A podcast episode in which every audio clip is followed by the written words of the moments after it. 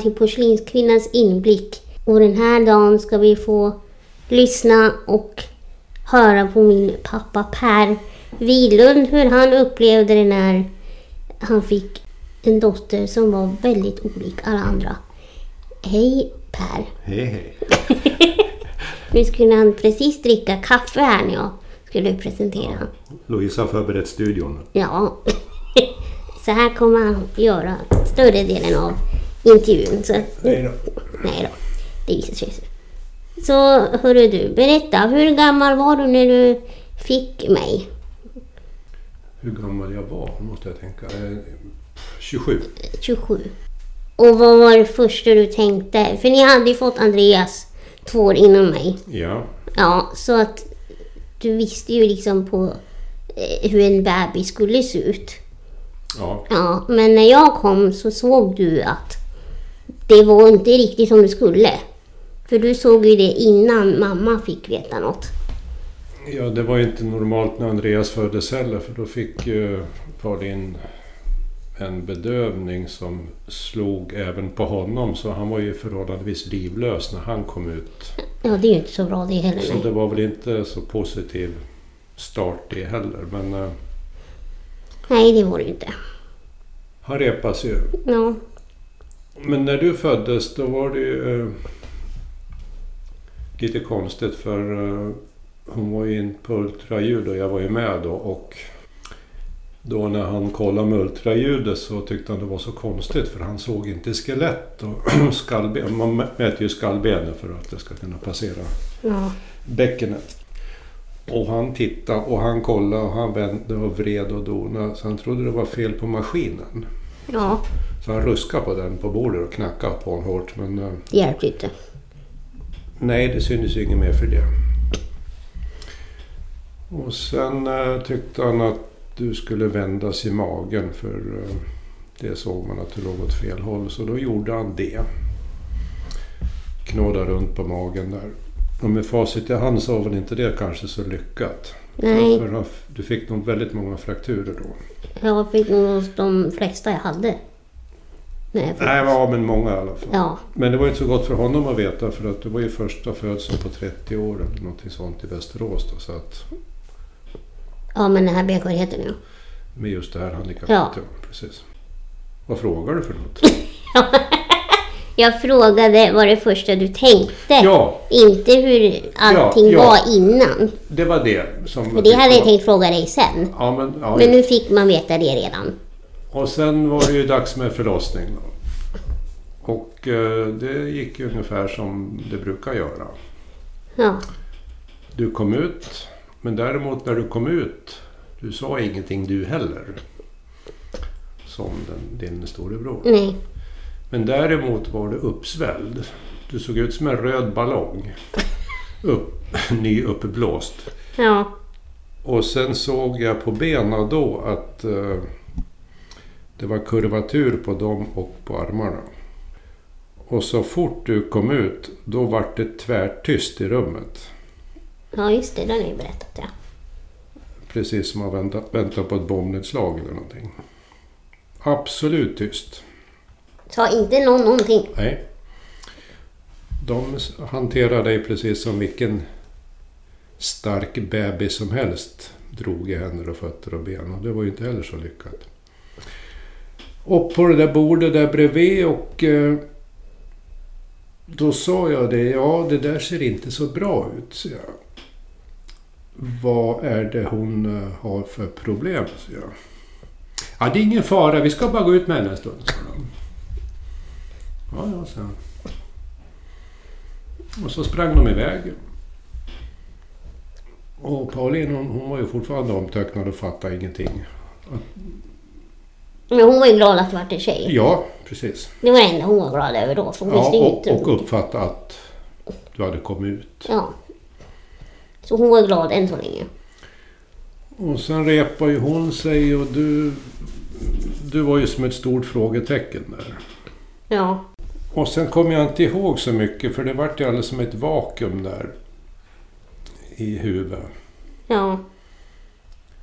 Men du hamnade i alla fall, du fick ju inte komma hem för nu får man ju i princip åka hem 20 minuter efter man är... Ja, inte riktigt kanske, men ganska snabbt efter. För då skulle man ju kunna, eller fick man ju vara kvar ett antal dagar.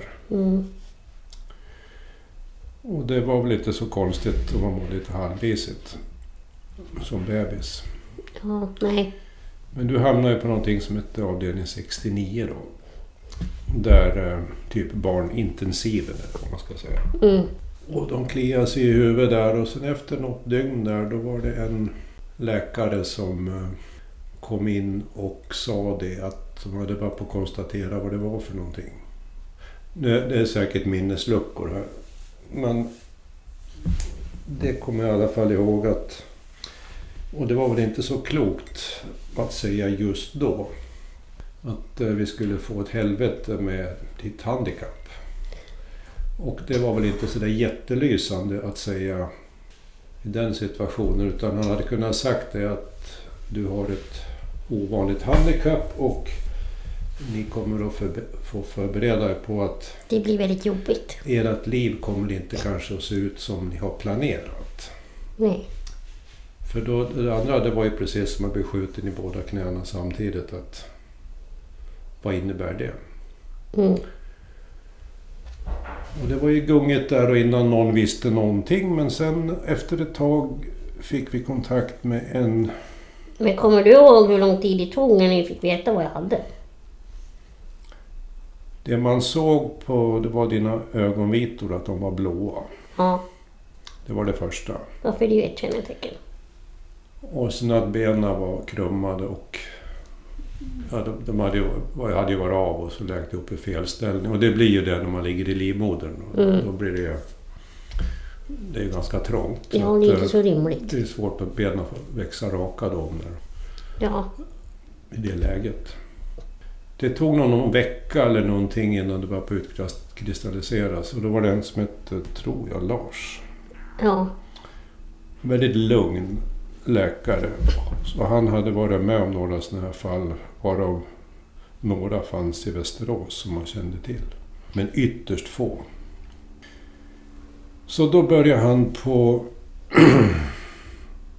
berätta lite vad det var och vad det inte var, vad man kunde göra och framförallt allt man inte kunde göra just då. ja. Och det var ju ganska mycket. Och sen en annan klantig grej kommer jag ihåg. Det var att en släkting skickade en bild för denne då kände till det här handikappet. På en kvinna som var 40 år och det var väldigt otaktiskt gjort för att denna kvinnan hon eh, var väldigt deformerad minst sagt. Så det var som att bli skjuten i knäna igen då. Att, Jaha, är det så här det kommer att bli? Då? Så tuggade det på så. Du var ju där inne på 69an och eh, för att du inte skulle få benbrott då låg du på en kudde, dunkudde. En ganska stor sån. När man är bebis behöver inte kudden vara så stor. Nej, men nej. men jag Eller? var ju inte så stor Nej, du- generellt som Du bebis. fick ju plats bra på en vanlig kudde för eftersom du inte kunde röra dig någonting. Nej, För du hade ju ont också. ja. Och så svettades du ju så kopiöst alltså. Ja, kroppen jobbar hela tiden. Ja, konstant läkningsprocess och feber. Då. Trots att du inte hade hög temperatur men... Det där, Den var ju varm för att det var Ja. så mycket frakturer. Och det brukar ju vara så när man har... Och det vart ju ännu värre då för att du föddes ju på nationaldagen och det var väldigt varm i juni och juli då. Ja, Eh, Så det var ju ett sammanträffande. ja. Nej, Det var väl kort första perioden. Att eh, det var eh, omvälvande och sen... eh, För min del tog det ett par, ett par år att... Just det här att man ältar i sig själv att... Hur det kunde bli så. Mm. För att det är ju inte bevisat att det är genetiskt utan det är så kallad skenmanipulation. Att det kan hända och sannolikt är det så att jag har gener kanske två, fem eller tio generationer bakåt i tiden. Och Pauline lika så. Mm. Och då kan det ske för att generna hänger med och Och eh, det är därför man säger att det är en skenmanipulation. Att det, har, det kan ske utan att man inte vet att, Man har det i generna. att det finns i generna sedan 200-300 år kanske. Då. Och det är ganska långt bort tillbaka. Ja, för sen går det tillbaks 100 år. Då dog det fyra av åtta i barnaskarar. Det var ju typ ett visst svinn. Går det tillbaks ännu längre så var det ännu vanligare. Jaha. Så det vet man ju inte. Nej. Men ni fick ju sen ganska snabbt kontakt med eh, Astrid Lindgren. Barnsjukhuset. Ja, Och där var det väl en helt annan upplevelse än att ha kontakt med Västerås sjukvård. ja, för här inne i Västerås där var det lite alldeles som... eh, Det här vet de ju inte generellt så mycket. Det beror väl alldeles på vad det är. Det finns ju duktiga människor i Västerås Jo, också. men nu syftar jag på det som de Men- kring min funktionsnedsättning. Men ska man ha riktig hjälp och professionell hjälp, det är ju koncentrerat på universitetssjukhusen. Ja, Och i det här fallet hade de ju hjälp då på Astrid Lindgren. ja. Så där var vi ju ganska ofta. Vad jag har minne av. Jag har ju uppskrivit varenda dag i dagboken Ja, du har som, som har hänt. Så att... Men när man sammanfattar så kommer vi ju dit. Kommer du ihåg hur gammal jag var när vi kom dit första gången? Nej, Nej. jag gissar att du kanske var ett år, ja, så pass. två, vet inte. Nej. För det var så mycket och intensivt just då med allting. Så att eh, det är en sån där period som man känner alldeles som att det var inte så där skitkul. Nej, det kan jag ju tänka mig. Kort sagt. Ja, nej. Men vi hamnade i alla fall där och så kom vi i kontakt med en som hette... Han som opererade, hette han? Lars Enberg. Lars Renberg. Mm. Och då kan man väl jämföra med att Han var ju riktigt bra. de vi hade träffat de, till det datumet vi träffade honom, det var som att... Ja, det var skillnad som natt och dag. Massa svammel kan man säga. Ja, Nyutexaminerade läkare och den ena vet inte vad den andra gör och vad den andra handen gör ens. Som det är ju likadant idag då. ja Eh, gud ja. eh, Man har inget intresse eller något fel är det. Ah, skitsamma. Men då hamnade vi där och då var det som att att hamna med någon som verkligen kan någonting Ja, och förstår någonting exakt. och vet någonting. Så han var ju den som man, liksom, man kände att ja, äntligen. Han visste ju vad han pratade om. Nu är det en människa som kan någonting och han kan vi lita på. Mm. Och det mest fascinerande med honom att han var så lugn och pratade så tyst. Så fruktansvärt tyst. Och sen var han i den, alltså, vad ska man säga, statusen så att han hade all, alltid väldigt många lärlingar med sig i släptåg. Ja, jag kommer ihåg. Det var liksom inte bara en som kom när han kom. Det kunde vara fyra, det kunde vara sju och det kunde vara sjutton som ville vara med och lyssna. Ja, Och eftersom han pratade så tyst så var alla tvungna att stå väldigt nära. ja det kommer jag ihåg. Så till slut så tyckte jag det var jobbigt när det var som en typ en hel skolklass som stod och tittade på, på mig. När han stod och pratade om mig och pekade och kände och klämde. Och, Han kom ju till Västerås här ibland alltså Och, på eh, ronder. på, på ronder och då eftersom han var ju alltså ortopedspecialist gånger två eller tre. Jag skulle säga gånger tio. Ja, han var duktig. Så kom han hit till Västerås istället för att tio patienter skulle åka upp där han satt och så kom han hit istället. Och det var ju sådana tillfällen då när det var en hel hög med Ja, de var väldigt jobbiga. De var jobbiga så att eh, då när du väl kom in då bara sa han åt dem lugnt att Nu är det Louise, nu får ni gå ut, nu ska vi vara själva. Så, så då fick de gå ut allihop där. För i det rummet vi var så var det som ett fönster, kommer jag ihåg. Och bakom det fönstret var det ju ett rum. så kunde ju alla stå och titta på igenom. Ja, det kanske det var. Men de kom ju, kunde inte höra riktigt vad han sa. Nej. För han satt ju med ryggen emot och satt ju bara så jag hade hans ansikte så de hörde ju inte alls något. Men i det läget då, då började han berätta på att tekniken hade bara på gått framåt. Att man kunde stoppa i titanspikar i benpiporna. Man knäcker benen och så skjuter man i då en och två eller tre millimeters titanspikar från ja, i benpiporna som är krokiga. Nu kom han alltså in här på operationerna jag har gjort. Han, eh, han började spåna om det då, vad man kan Ja, göra. men det, är ju det du förklarar nu. i det läget. Och det lät ju hoppfullt att det går att göra någonting. Mm. Så det var det läget. Så han hade vi ju kontakt med länge, många år. Väldigt, och det var ju han som hjälpte dig. Och sen var vi även där då i ett tidigt skede. Det var bland de första besöken. Då träffade vi en genetiker. Som jag inte kommer ihåg vad han hette. Men jag hade läst på det lilla som fanns om det här och om genetik och var man stod och vad man kunde göra med transplantationer och grejer. Så då satt vi inne på ett rum där.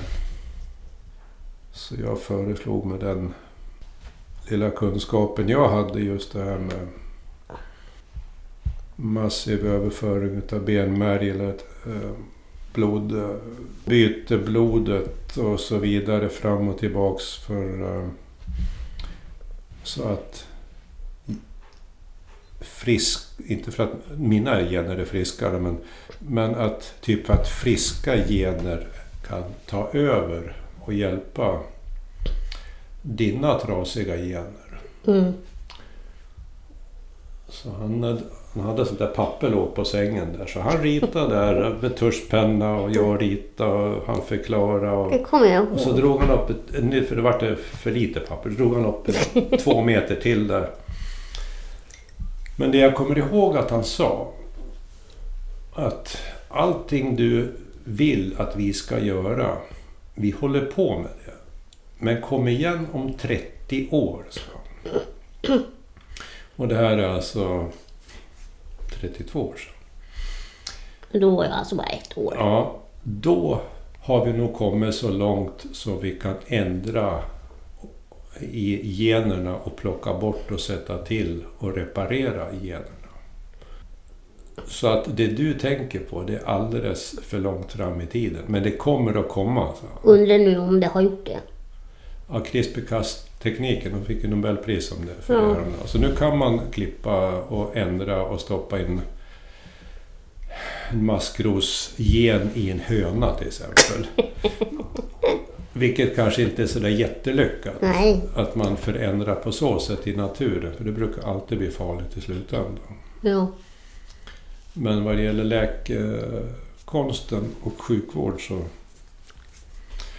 kan det ju vara förståndigt om man... Tekniken går ju framåt. Ja, Så hade du varit född om 20 år så hade man nog kunnat sett i ett blodprov att de där generna måste vi justera. ja. Det Men nu vart du född lite för tidigt då. lite för tidigt. Men hur reagerade eh, farmor och farfar när de fick reda på mig? Ja, det var ju kul att det vart en dotter. Ja, Ja. Farsan hade svårt att ta in det där. ja. Det är väl det jag kan säga. Farmor då? Ja, hon eh, såg väl problemet och förstod väl... Han förstod kanske också men vill väl förnekat. Ja. ja. Jag kommer inte ihåg han så mycket för han gick ju bort ganska tidigt. För den generationen, där eh, var det ju väldigt vanligt att så fort man hade, hade ett handikapp då skulle man ju inte vara ute i samhället för då var man ju mer en belastning. Så då skulle man ju vara på institution eller Ja, Det var ju den tidsandan under lång, lång tid. Det där började man ju upptäcka på 80-talet då att även om man hade- hade psykiska eller fysiska eller mådde allmänt risigt att man var ju människa ändå. Mm. Om man hade ett kort ben och ett långt ben, ja, man kan ju tänka för det. Men det var inte så... så alla handikapp, det var alltså generellt i samhället. Om man skulle vara... Då skulle man typ lämnas bort då. Ja, ja. Så man skulle inte vara kvar då enligt... Nej, nej. Nej. nej. Och det där, det, det råkade vi också ut för då. När du var född. Mm. För ni fick... Nu tappar jag frågan igen. Men jag, Ja, jag frågade- ja, min morsa farsa. Ja. Ja. men generellt, de... Uh, morsan hon hade ju svår reumatism så hon kunde knappt röra sig. Så hon kunde ju inte lyfta dig överhuvudtaget. Nej. Och farsan han hade väl... Jag vet aldrig att han har lyft mig någon gång när jag var liten överhuvudtaget. Så pass. Så han... eh, han, han var ju utav den stammen. då. Jaha. Nej, så att jag kan inte svara hur han... Han, eh, han hade ju sina problem och hjärtproblem och fram och tillbaka så där och sina funderingar så att jag kan inte överhuvudtaget Din brorsa då? Ja, det var väl likadant där. Det är någonting som jag aldrig har... Jag har ju- växt upp ensam. eh, För det är så många år emellan oss då. Ja, hur många år är det? Elva. Elva. Så jag har väl aldrig känt att jag haft en bror någon gång på så sätt då. Mm. För det hade jag uppskattat om att man har haft en bror. Eller en syster som man har kunnat dela problemen med och kunna hjälpa. Hjälpa varandra, ja. Ja, precis. Mm. För man kommer mycket längre då. Ja. Man drar åt samma håll då. Mm. Men eh, det har ju överhuvudtaget inte varit aktuellt. Nej. Tvärtom då. Ja. Så jag har ju, har ju gått min egen väg och det har ju gått ganska bra.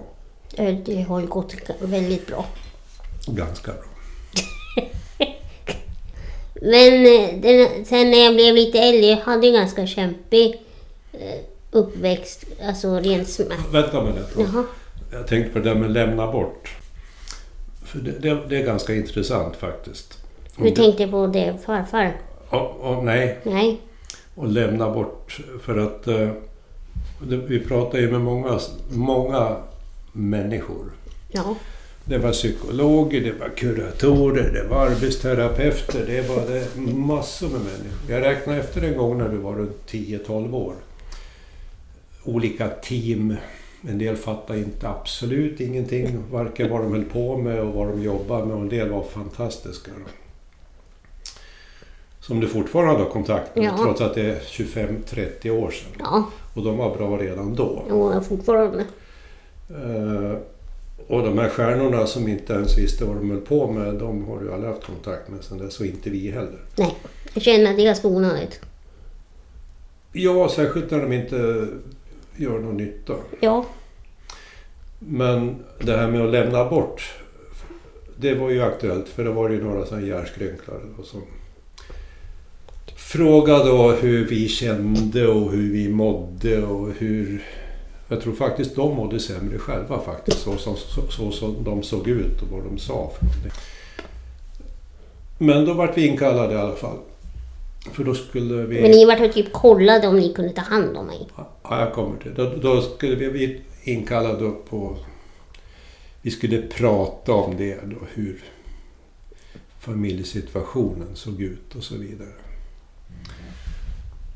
Så vi var ju sena. Och ingen parkering, stressat som tusan var det. Så kom vi in där. Då var det en hög med sådana där människor. Halvtrötta psykologer eller vad det var för något fyra, fem stycken gick och hasade runt eh, där uppe på kontoret. Dit vi skulle, där vi aldrig hade varit och visste inte ens att det fanns så konstigt ställe i stan, i Västerås. Så då fick vi gå in i ett rum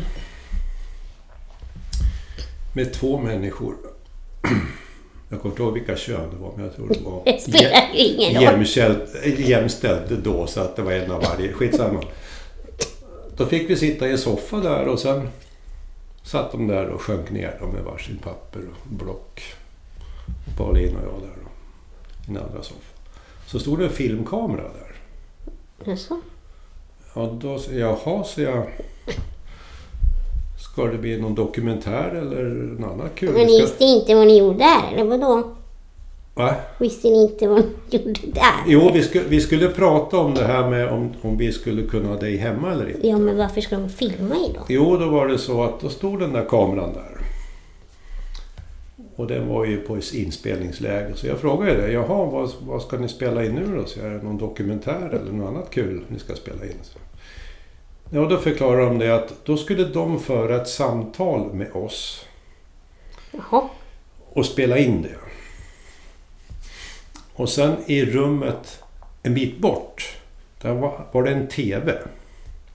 Som två andra sådana där hjärnskrynklare skulle titta på. Då. Och så skulle de då göra ett, ett objektivt avgörande. Alltså de skulle titta på avstånd utan att se oss alltså live i rummet. Utan de skulle titta på en skärm och göra en bedömning.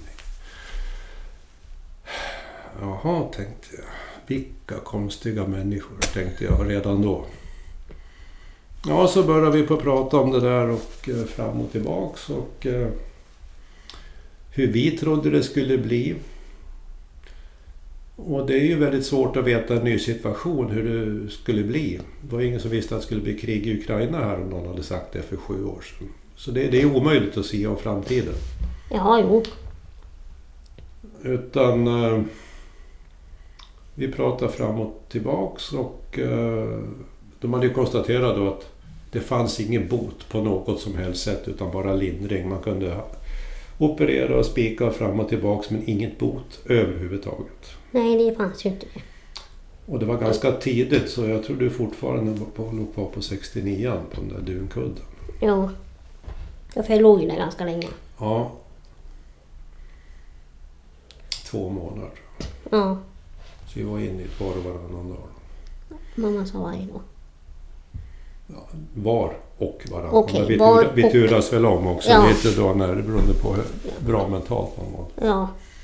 Så de kom fram Men- till Men att... då sa jag det att det är väl så här ganska krasst, så jag, att det fattar ju ni också, så jag. Att om en människa är så svårt sjuk och kroppen inte fungerar, då dör man ju. Det förstår ju ni också. Så jag. Och i det här fallet är det ju så pass illa så att naturen får ju ha sin gång. Mm. Men hon har ju glimten i öga och skrattar trots att hon har så oerhört ont, konstanta frakturer. Så personligen tror jag faktiskt att hon kommer att klara att överleva det här. Mm. Men det är ju inte varken ni eller vi eller någon annan, de där inne i det rummet, som bestämmer hur framtiden kan vara. Utan det är ju bara hon som kan bestämma det, eller hennes kropp rättare sagt. Ja. Och då bara satt de och tittade på, dem, på varandra. Där. Sen eh, vart det väl ganska snabbt avslut efter det tror jag. ja, för de fattade väl då att det var ingen idé att fortsätta. Nej, de insåg väl hur otroligt korkat det var att, vi, att de hade kallat in oss. Ja. Och sen fick vi göra tvärtom. Då fick vi gå in och titta på TV. När de som hade tittat på oss, ja. då fick de byta plats. Då, så då vart de filmade och satt vi och tittade på TV när de pratade om oss. Varför? Jaha. Och vad fick ni ut Jo för, det de, då? jo, för att då skulle vi uppleva... Hur ni upplevdes? Ja, precis. Exakt. Nej men snälla. Så då satt de där två andra hjärnskrynklarna då, eller psykologer eller vad de nu var för någonting. Då satt de och pratade om Pauline och mig. Hurdana vi var som människor, människor om vi var stabila eller ostabila. Och, eh, Det måste ha känts väldigt dumt. det var så jättekonstigt alltså. De skulle ha märkt själva hur oerhört konstig situation de ställer några som redan är så nedslagna redan på ett sånt där förhör. Det var ju precis som att är du intelligent eller inte? Vet du vad en blöja är? Eller typ. Ja. Så fruktansvärt dåligt.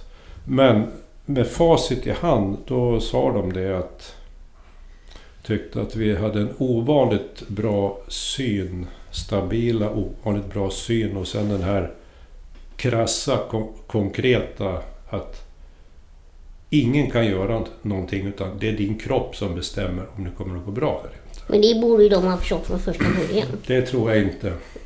Nej men de borde ha förstått det. Om de visste hur pass kämpigt det var för mig. De fattar ingenting vad du hade för, Nej men för det är det jag säger, om de visste. Ja, ja, ja, ja, men det är väl som idag. Man sitter och svamlar sådana där människor. De tittar mest på papper också idag. Ja, ja. De liksom tittar... Ja, men om man säger så att slutsatsen var väl det att vi kunde ta hem dig. Ja. Det var mycket om ingenting, men det var så, det var så absurd situation alltså, så att det var nästan lika konstigt det som när du föddes som en uppblåst röd ballong. Uppväxten fram till jag var sex år när jag fick min första ADD-behandling. Mm. Som gjorde att skelettet blev lite starkare. Mm. Hur var den? Om du tänker då hjälpmedelmässigt och alla sjukgymnaster, arbetsterapeuter och all sån kontakt. Tyckte du att hjälpbehovet var bra att kunna skapa grejer till mig? Hjälpbehovet. Alltså, det, du det menar- var stort. Ja, men jag menar precis. hjälpmedel. Där var det ju några av de här stjärnorna som, vi, som jag har nämnt. Alltså, som, vi gör vad vi kan. Jag ska se vad som finns för grejer. Vi kollar vad som finns. Ja. Ett par stycken som var riktigt sådär på hugget och hjälpte till med allting vad som fanns i sortimentet. Och först, första permon fick du när du var Två och ett halvt. två och ett halvt. ja. Det var, den hette Lox. Och det var likadant där. Han som var, vad ska man säga, permobilmäcken då. Var det Jack? Det var jakt. Ja. Eh, så fort det var någonting. Ja visst, det fixar vi då Issan. Jag fixar det. Så skrattade han. Jag hör av mig sen. För han var ju så att han kunde man ringa till direkt. Ja, Vi fick ju hans nummer. ja. Så vi kunde ringa han även när han inte var på jobbet. Och vi ringde ju inte och tjatade på honom men- på något som helst sätt. Men eh, Vi ringde bara när det var kris. problemet var när du växte att du växte ju inte. Du, du, du, normala barn växer. Så när man är 7, 8, 10 år då är man ju längre. Men du Ja. var ju fortfarande kort. Ja. Var inte så lång. Och är inte fortfarande. Och då är det ju problem att hitta rätt grejer och hjälpmedel. Ja. Så att eh, han löste ju det här med sitsar och grejer. Eller de här Lux och Permobil och Lox. inte- Lox. Lux, Lux. Ja, ja. Mycket X där.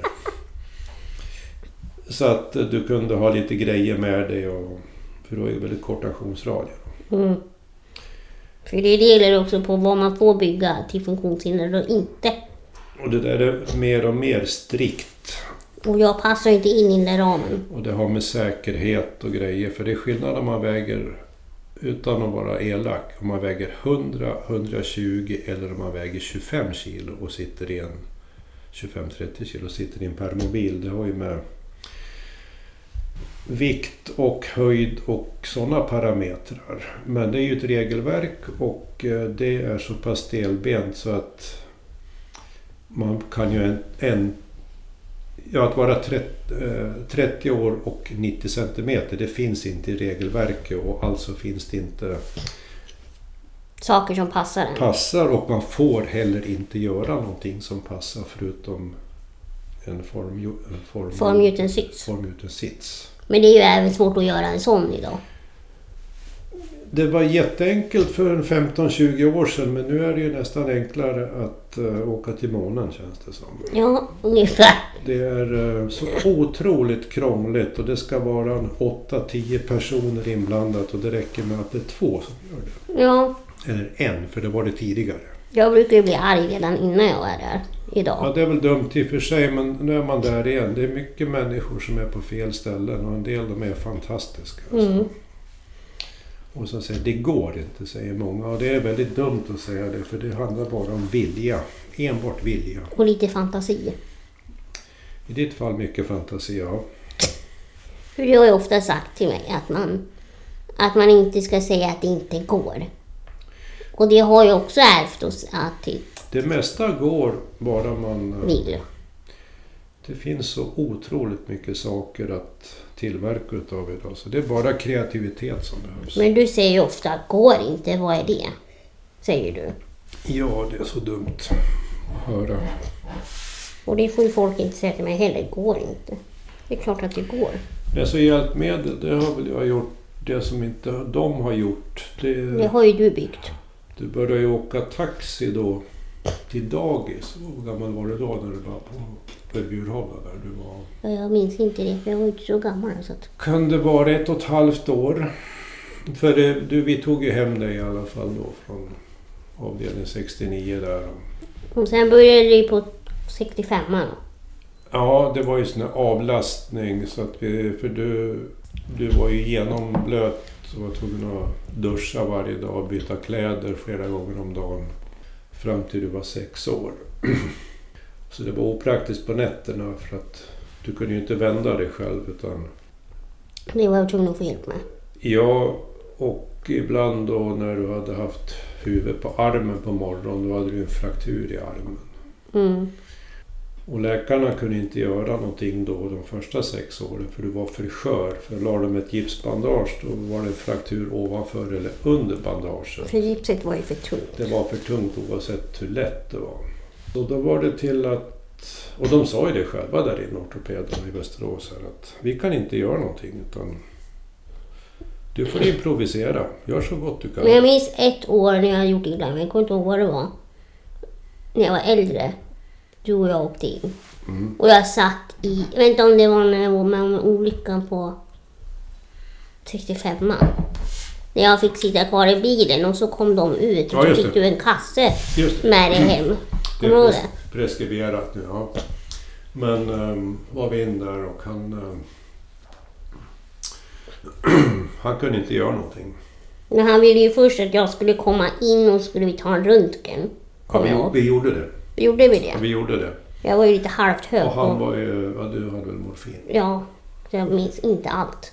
Men sen eh, Jag minns att det gjorde ont. var det så att eh, han kunde inte göra någonting där för att de hade inte rätt bandage och, något, och du var för skör för att operera. Så då fick jag en, eh, Kasse med material. en stor kasse med allt möjligt han gick och plockade i där och då sa han till sjuksystern att det här ser inte du, sa hon. Nej, nej, sa hon. Sen eh, bubbade jag ut dig då och fick in, fick in dig i bilen. Då. Då kom han avsluta sin dag då där så då kom han förbi och ställde sig och klappade mig på ryggen och sa det. Och så hade han tårarna kom i ögonen på honom och sa att han bad om ursäkt att inte läkekonsten hade kommit så långt så att han kunde hjälpa. Men jag kan inte, sa han. Trots att jag är, ja han var ju överläkare. Jag kan inte, sa han. Så att, gör så gott du kan, sa han. Men det är inte ofta läkare erkänner det. Ja, men han var ju schysst. Ja, men alltså Ja. Om man snackar i verklighet. Det är inte många som gör det.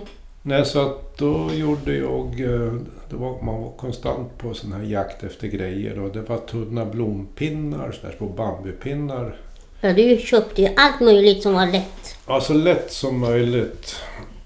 Och sen där insidan på en toalettrulle och hushållsrulle, de var perfekta. De där lite hårdare. Du använde liksom, det var blompinnar och det var glasspinnar. Allt möjligt sånt så att när du hade då en fraktur då, då var det till att spjäla på gammalt klassiskt vis. Så efter en vecka då hade det läkt ihop. Det läker ganska fort. Ja, det är ju positivt. För det var sällan frakturer så benhinnan gick sönder utan benhinnan höll ihop benpiporna. Men även om det var en liten spricka så gjorde det lika ont som benen var helt Ja, av. precis. Och då är det ju konstanta frakturer, mer eller mindre i sex år. Ja, precis. Ja, och sen under resans gång där och då hade ju vanliga Volvobilar förut. Mm. Och du hade den första Loxen. Loxen och sen permobil. Så då var det ju till att köpa såna här med bilar med ramp. Och du tyckte ju inte om de där taxibussarna för de studsade man ju fram Inte direkt, nej.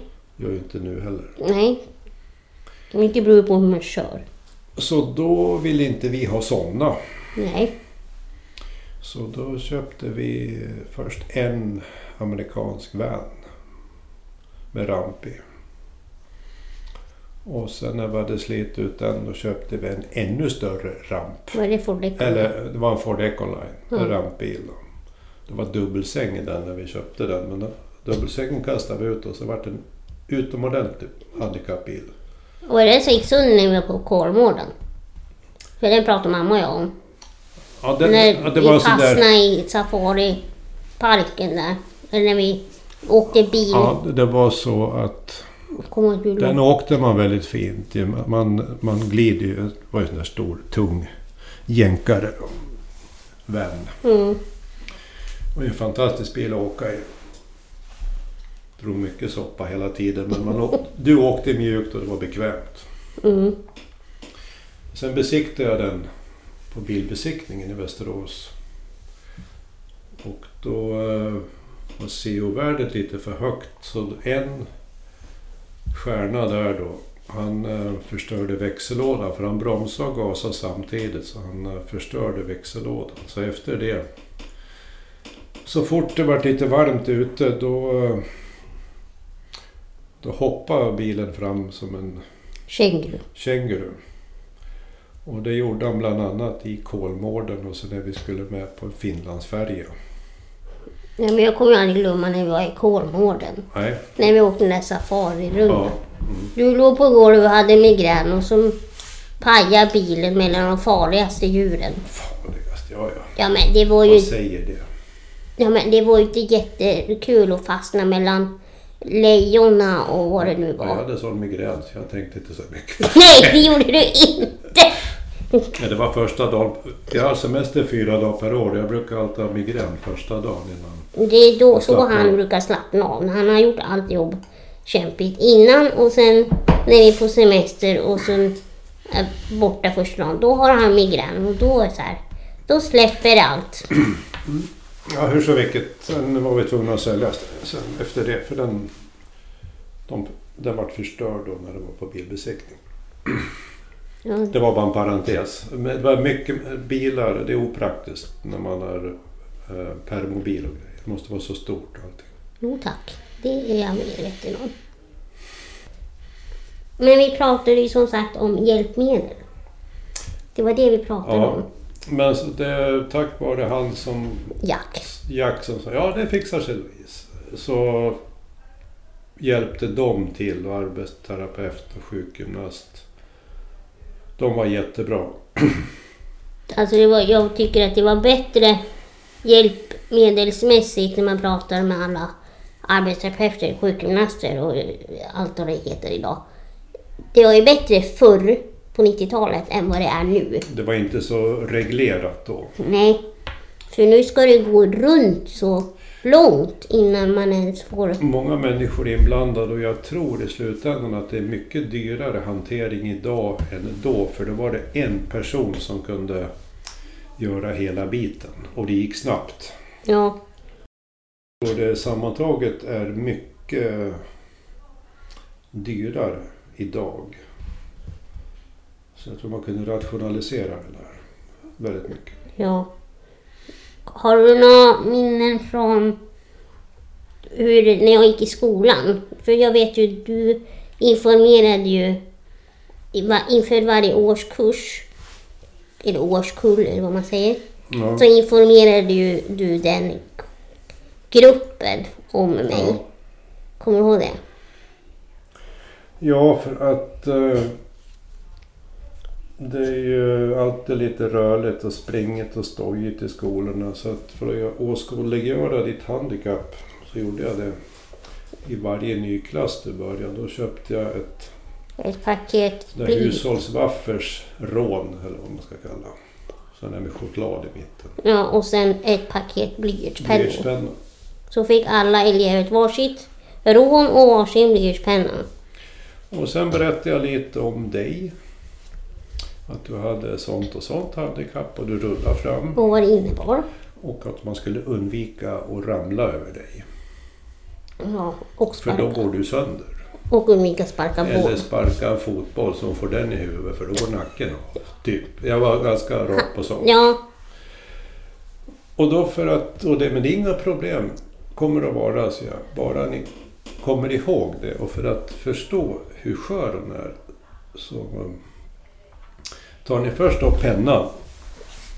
Och det är jag som har köpt dem så ni, läraren behöver inte titta. Bryter ni av pennan och då gjorde ju alla det. Och då hörde man hur det klickade i hela... Ja, då bröt jag av den och sen berättade jag. Tänker nu att det där var ert ben som gick av. Och sen tar ni upp det där hushållsrånet och så bryter ni av det. Och sen när det var, man bryter av det. Det där var Louise ben som gick av. Ja, Då förstår ni skillnaden. och det gjorde ju alla. Ja, det vart alldeles tyst där Det var helt knäpptyst. Till och med lärarna tittade helt förundrade ut. Ja, Fast de inte ens hade någon kex och penna i Nej. handen. men de förstod ju problematiken. Ja, Och det var aldrig problem någon gång under din uppväxt i skolan, eller din skoltid. min skolgång. Och någon mobba ingenting överhuvudtaget.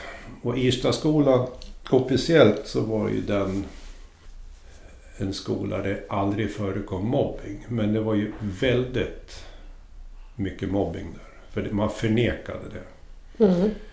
Och Irsta är ett sånt samhälle, kanske inte lika mycket idag, men Då var det.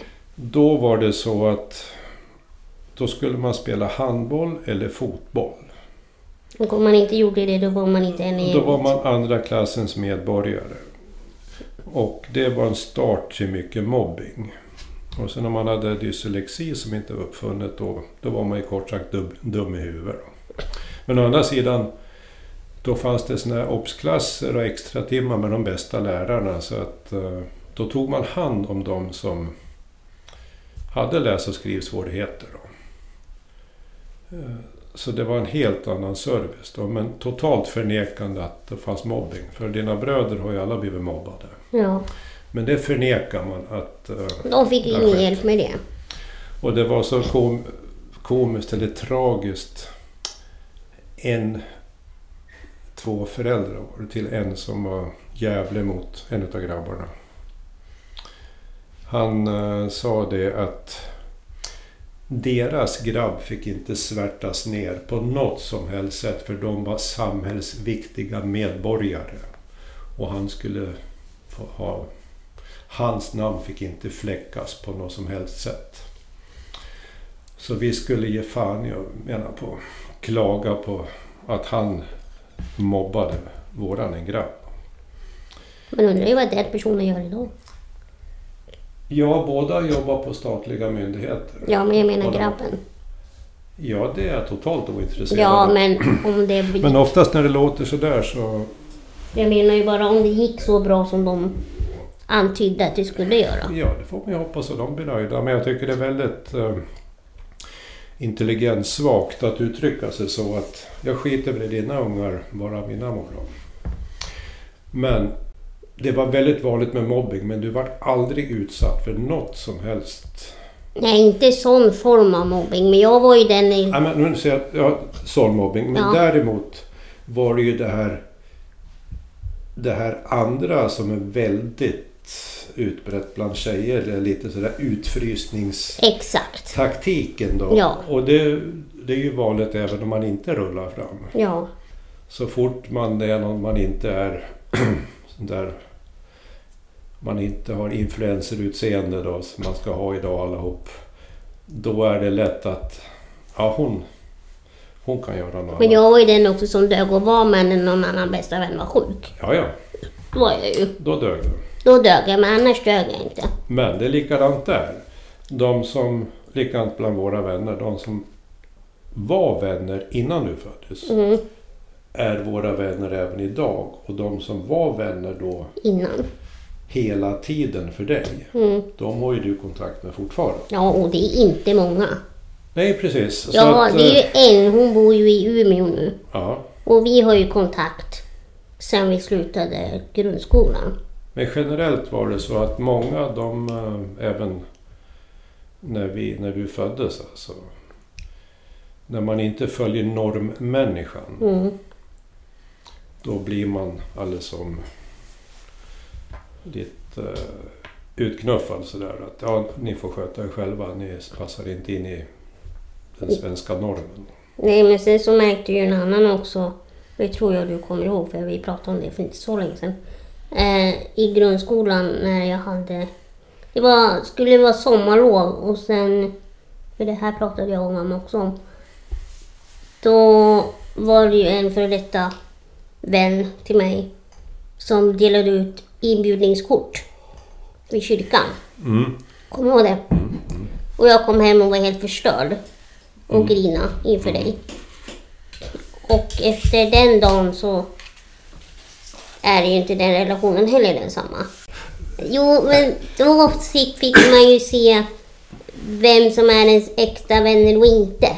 Precis. För jag hade ju varit hennes stöttepelare väldigt länge på grund av att hon hade haft väldigt jobbigt hemma. Kommer du ihåg det? Och där så tänkte jag, nej nu, nu tänker inte jag acceptera mer. Och även om jag kanske inte är en som... Jag tycker inte om att prata känslor. Vilket jag har ärvt av en viss person som sitter framför mig. Det är överskattat. Överskatt. Kolla En, ut. en annan intressant grej det är då när du, när du var ett och två år, då såg vi att du pinnade ju på dig då, glimten i ögat sådär. Mm. Eh, och ville mycket. Trots att du var trasig hela tiden. Mm, Och jag var alltid glad. Ja, precis. Glad och Och svettades. du ville klara av allting. Ja. Och förstod inte heller det att du... Inte kunde klara av Nej. Som när du fick den där första loxen. Ja. Då hade vi nyss byggt hus här och eh, jag sa du kör inte närma kanten för du kan vicka. Ja, ja. Men vad gör jag då? Jo, jag kör nära kanten. Ja, för att prova långt ut du kunde åka och dök ju på öronen förstås. Men du, du gjorde inte illa dig, det var ju ett rent under. Hjulen var ju ganska breda fram. Ja, men du slog ju helt åt sidan. alltså. Ja, den tippade helt åt vänster. Ja, där låg ju du sprattla i bältet. Ja, jag var glad för det. Men Och blåtira. men det var också en sån här intressant grej att man ska bara följa normsamhället. Vi bor alltså i ett naturreservat. Det är ointressant, men det är väldigt intressant ändå hur otroligt klantigt man kan uttrycka Ja, sig. du menar när jag, de fick veta när jag hade fötts? Nej, Nej. att då börjar det på visa sig att vi... Det, det är ett naturreservat och det är en stiftelse som äger Ängsö. Och eh, vi hade flyttat hit 87, nedlagd bondgård och bodde i det gamla huset. Hyr, hyrde då och hyr idag. Och eh, två barn i det huset, det funkar utmärkt. Men inte med en permobil. För det var trapp, tvåvåningshus. Då.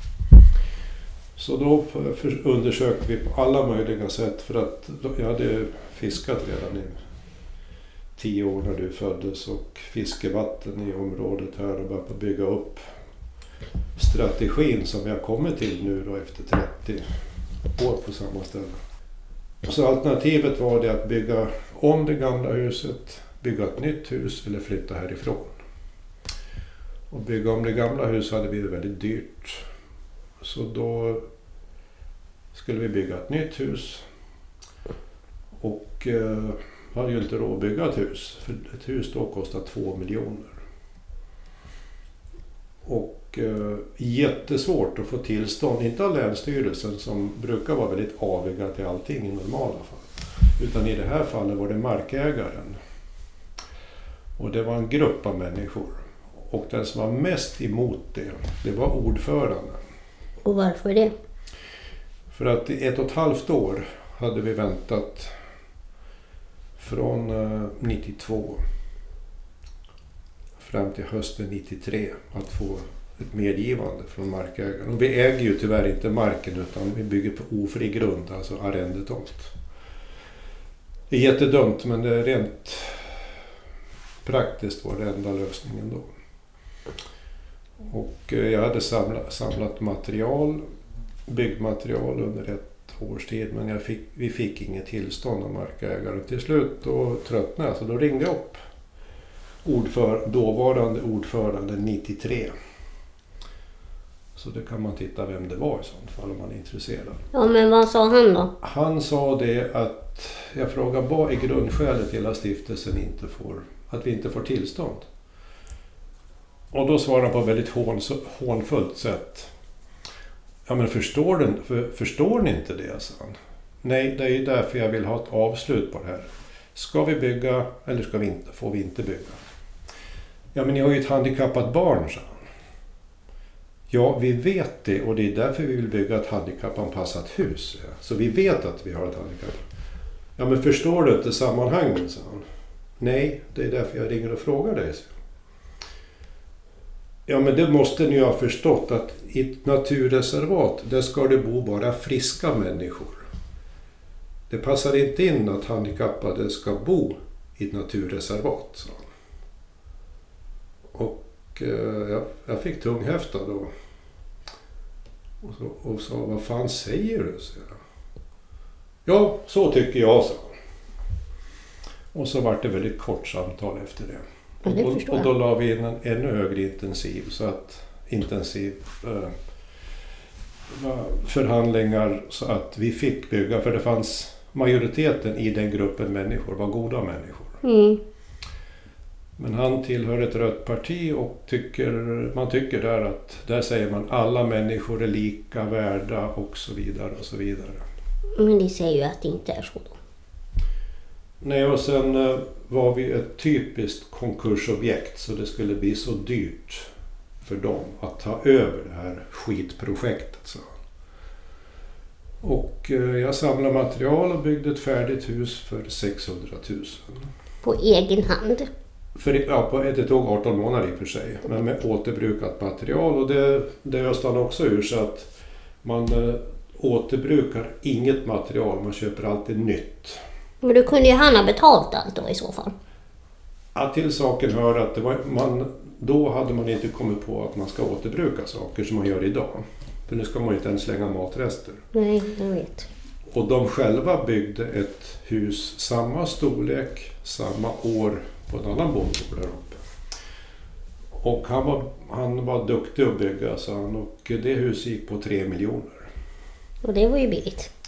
Ja, för han visste hur man gjorde. Ja, ja. Och jag byggde samma storlek för 600 000. Så att det var en erfarenhet av politiker att det låter väldigt snyggt när de snackar utåt men sen när det verkligen gäller såna här viktiga saker då är de otroligt spydiga och självgoda och jobbar för sin egen skull, inte för andras skull.